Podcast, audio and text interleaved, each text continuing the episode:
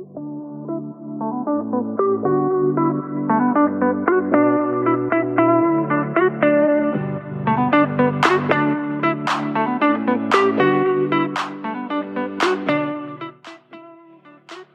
het niet iets waar we allemaal een beetje naar streven? Het verhogen, het vergroten van je omzet. Ja, ik snap het wel, want ik streef daar ook naar, nog steeds naar. En dat is iets wat misschien altijd wel blijft en wat ook heel logisch is. Maar het kan soms ook een beetje frustrerend zijn. Misschien zit jij in een fase waarin jij een goed lopend bedrijf hebt, waarin jij weet wat je doet, weet dat je goed bent in wat je doet, werkt met fijne klanten, maar waarin jij gewoon een bepaald plafond wil doorbreken. Nou, ik ga in deze aflevering drie manieren delen om je omzet vandaag nog te vergroten. Dus welke stappen kan jij nu nog zetten na het luisteren van deze aflevering? En ook als jij starter bent of hè, een beetje in die middenmoot zit en je bedrijf van de grond wil krijgen, je merk in de markt wil zetten, luister dan verder. Want met deze nou, drie manieren kun jij vandaag nog aan de slag. Ik wil je dus ook uitnodigen om mee te schrijven. En als je in de auto zit of aan het wandelen bent, om in ieder geval heel goed te luisteren en er straks ook wat mee te doen. Want dan ga je verschil maken en daar is deze podcast voor. Wil jij samen verschil maken, dan kun je natuurlijk jouw call met mij plannen. En ik ga het voor de laatste keer benoemen. Op 23 juni is het live netwerkevent van kijkers naar kopers. Waarin we de verdieping gaan zoeken in jouw bedrijf. Waarin we gaan kijken hoe jij van kijkers kopers maakt. Op een fantastische locatie met een fijne, ambitieuze groep gaan we dit doen. Terwijl we ook lekker gaan netwerken, heerlijk gaan lunchen. Een fantastische afsluitende borrel hebben. Dus wees erbij. Er zijn nog nu twee tickets beschikbaar als ik dit opneem. Dus dat is heel weinig. Ik zet de link in de beschrijving van deze aflevering. Wil je erbij zijn, kun je mij ook een DM sturen. Ik heb je er natuurlijk graag bij. Je bent van harte welkom. Maar dan is het wel tijd om nu actie te ondernemen. Goed, drie manieren om je omzet vandaag nog te vergroten of te verhogen. Wat je maar wil. Allereerst, ik ga deze aflevering heel concreet maken omdat ik wil dat je hier ook heel concreet mee aan de slag gaat. Dus hè, de rest komt allemaal later wel. Even concreet, alleen op de inhoud. Dus ik denk dat het ook een kortere aflevering wordt. Misschien ook niet. We gaan het zien. In ieder geval wil ik dat je als eerste je salesstrategie onder de loep gaat nemen. En wat bedoel ik daarmee? Ik ga hem helemaal voor je uitleggen. Ik bedoel dat ik wil dat je actief aan de slag gaat met sales. Maar dat je eerst eens gaat kijken naar je eigen mindset rondom die sales. Wat vind jij van sales? Wat denk jij van sales? Vraag het jezelf eens af en schrijf het op. Wat hierin heel goed werkt, is dat jij even een pen en een papier pakt. En dat jij over die sales gewoon eens gaat schrijven. Schrijf alles maar op wat in je opkomt. En vanuit daar kun je dus gaan bekijken: oké, wat heb ik opgeschreven? En wat denk ik dus eigenlijk echt over sales? Als er namelijk een ontzettende blokkade zit, of jij sales ontzettend stom vindt om te doen, of er een beetje een hekel aan hebt, dan mag je eerst daar eens anders naar gaan kijken. En als dat zo is, dan nodig ik je ook echt uit om eens twee weken, nou zeg drie weken, sales leuk te gaan vinden. Dus zeg elke keer tegen jezelf: ik vind sales leuk om te doen. Geloof dat ook echt. En ga er dan mee aan de slag. En dat gaat alleen al een verandering brengen. Als je weet hoe jij over sales denkt, dan pas kun je er namelijk actief mee aan de slag gaan. Je wil beter worden in sales en dat gaat niet vanzelf. Dat is echt oefenen, oefenen, oefenen. En ik kan je vertellen dat ook ik hierin moest oefenen. En ik heb ook echt calls gehad met klanten die ik nu, nou, als ik die nu spreek, zeker weet dat ze bij me instappen. Maar toen wist ik gewoon niet hoe ik het moest aanpakken. En dat heb ik allemaal moeten ondervinden. Ik heb het op de lange weg gedaan, dus op de lange manier, want ik heb het ondervonden. En natuurlijk wist ik er al wel wat van. Hè? Dus vanuit daar kon ik het gaan ondervinden en onderzoeken en zo kon ik het verbeteren. En zo leer ik het mijn klanten nu ook, dat zij niet die lange route hoeven te nemen, maar juist een shortcut kunnen nemen om supergoed, echt goed te worden in sales en het ook echt leuk te vinden. Maar goed, je wil beter worden in sales. Daarvoor moet je dus ook weten hè, hoe je denkt over sales. Je wilt ook wel echt werken met een structuur voor bijvoorbeeld je salesgesprekken, zodat je eigenlijk een speakbriefje hebt. Schrijf ook mee tijdens salesgesprekken, maar zorg dat je ook een structuur creëert die fijn is voor jou, maar die ook werkt.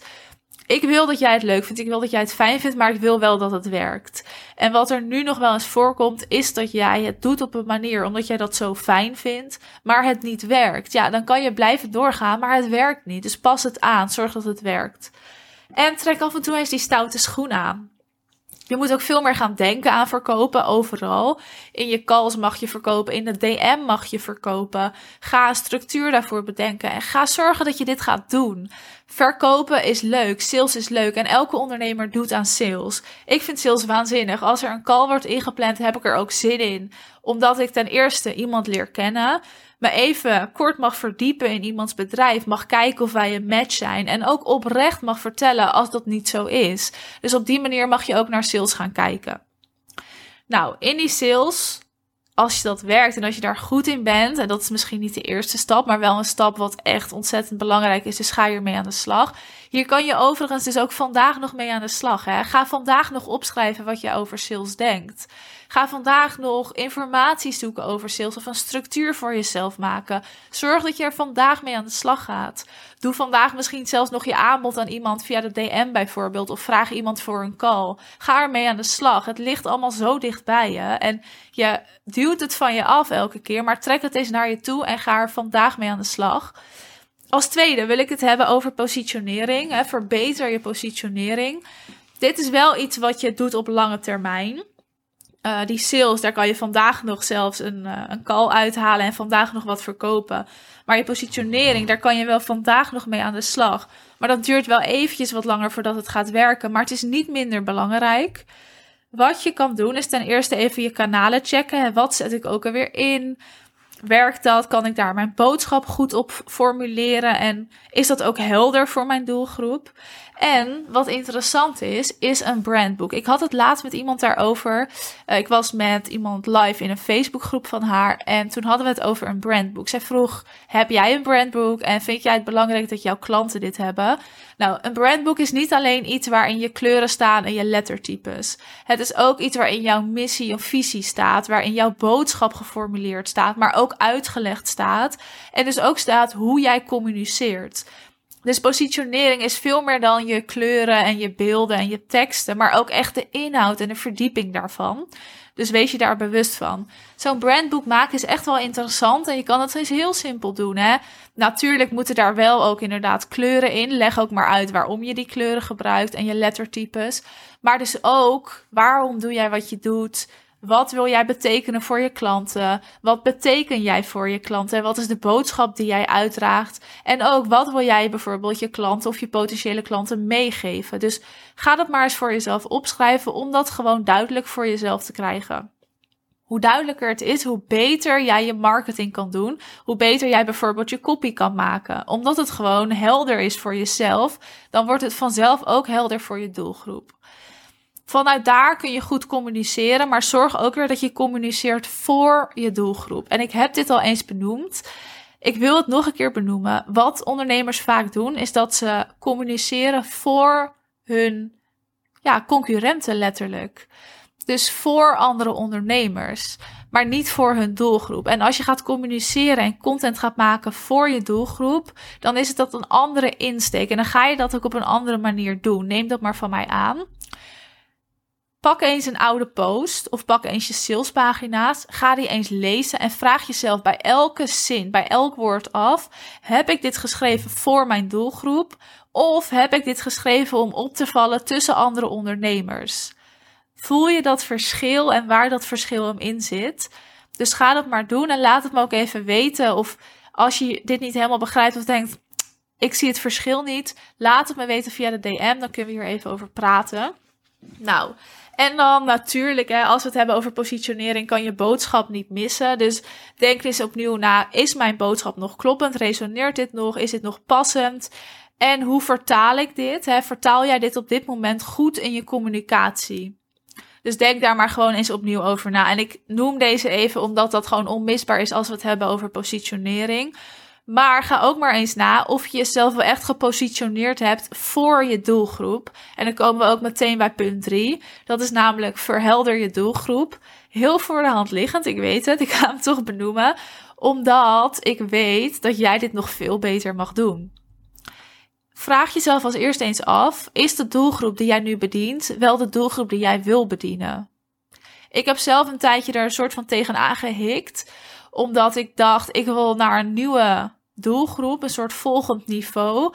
Maar hoe ga ik dat aanpakken? Nou, uiteindelijk is dat heel goed gegaan, omdat ik gewoon in de marketing en de sales zit. Laten we dat voor opstellen. Ik weet hoe ik dit moet doen. Ik weet hoe ik mezelf moet positioneren. Dus voor mij is dit een makkelijke stap. Neemt niet weg dat er altijd struggles bij komen kijken, maar goed. Maar je mag het jezelf afvragen: is dit de doelgroep of wil ik misschien naar een volgende stap? Dat mag. En soms is dat spannend om uit te spreken, maar het is wel een last van je schouders als je dat doet. Ik wil dat jij je doelgroep gaat herkennen. En dan bedoel ik echt herkennen. Dat als jij Instagram scrolt, dat jij meteen ziet, jij bent passend, jij bent niet passend. Dat je het zo kan zien aan iemands account. Wat je daarvoor kan gaan doen, is natuurlijk eerst je doelgroep gaan zoeken. En daar moet je dus eerst wat meer moeite voor doen. Dus iemands account opzoeken, even je inlezen, kijken wat ze doen. En dan ga je een lijst maken met de mensen die wel passend zijn. En dan bedoel ik ook echt perfect passend. En de mensen die niet passend zijn. En van alle twee die lijsten ga je de kenmerken opschrijven. Dan heb je namelijk een lijst met kenmerken van jouw ideale klant. En dan bedoel ik ook echt van de perfecte klant. En een lijst met kenmerken van een groep die helemaal niet passend is. Dan kan jij voortaan dat heel makkelijk herkennen. Wat dan ook makkelijk is, is als iemand een call bij jou plant, dat je even naar zijn of haar profiel gaat en dat je dus meteen kan herkennen, dit is wel of geen ideale klant. En stel jij ziet, jij bent echt absoluut niet passend, kun je de call ook cancelen en dan bespaar je gewoon tijd. Want het is zonde als jij wel met iemand een call aangaat, terwijl je van tevoren duizend procent zeker weet, dit is niet passend. Als je een beetje twijfelt, ga je altijd het gesprek aan, want dat zou anders heel zonde zijn. Maar als jij niet twijfelt en weet, dit is het niet, ja, cancel die call alsjeblieft. Vervolgens, als je die kenmerken hebt, kun je vanuit daar dus weer communiceren. Dus de drie manieren die ik nu benoemd heb en waarmee je dus ook vandaag nog die omzet kan vergroten, die resoneren allemaal met elkaar. Voel je dat? Die liggen allemaal in één lijn. Die hebben met elkaar te maken. Het een heeft weer invloed op het ander. Dus je wil je doelgroep verhelderen. En als je dat hebt gedaan, kun je vanuit daar kijken: is die positionering dan nog kloppend? En vanuit daar kun je weer kijken: hoe ga ik die salesstrategie onder de loep nemen? Wat denk ik over sales en hoe ga ik er vandaag nog voor zorgen dat er vandaag nog iemand koopt? En dat is een goede vraag. En daar mag je nog even bij stilstaan en over nadenken. Wat kan jij vandaag nog doen om ervoor te zorgen dat er iemand bij jou koopt? Dat jij een nieuwe klant binnenhaalt? Misschien staat er iemand op je lijst waarmee je al heel lang contact hebt, die jij heel graag als klant zou willen, maar die jij nog nooit gevraagd hebt. Doe dat vandaag. Misschien heb je al eens met iemand een call gehad, maar heeft diegene toen nee gezegd en kun je die vandaag weer eens benaderen. Misschien kun jij een aanbod online gooien. Kun jij in je stories even hè, je aanbod gaan doen. Kun jij in de DM iets gaan verkopen. Wat kun jij vandaag nog doen? Er zijn zoveel manieren, maar neem actie. Als jij die actie niet neemt, gaat het niet gebeuren. En juist daar zit het hem vaak in. We denken vaak en we wachten vaak veel te lang, omdat we hopen dat het naar ons toe gaat komen. Dat gaat niet gebeuren. Jij moet die actie ondernemen, dus ga dat ook doen. Laat me ook even weten, wat ga jij doen? Welke actie ga jij ondernemen? En wat voor invloed heeft dat gehad? Ik uh, praat er graag met je over en denk er ook graag met je over mee. Laat het me weten. Stuur me even een DM als je geluisterd hebt. Dan heb ik ook een beetje beeld van wie jij bent. En dan kunnen we er altijd eens over kletsen.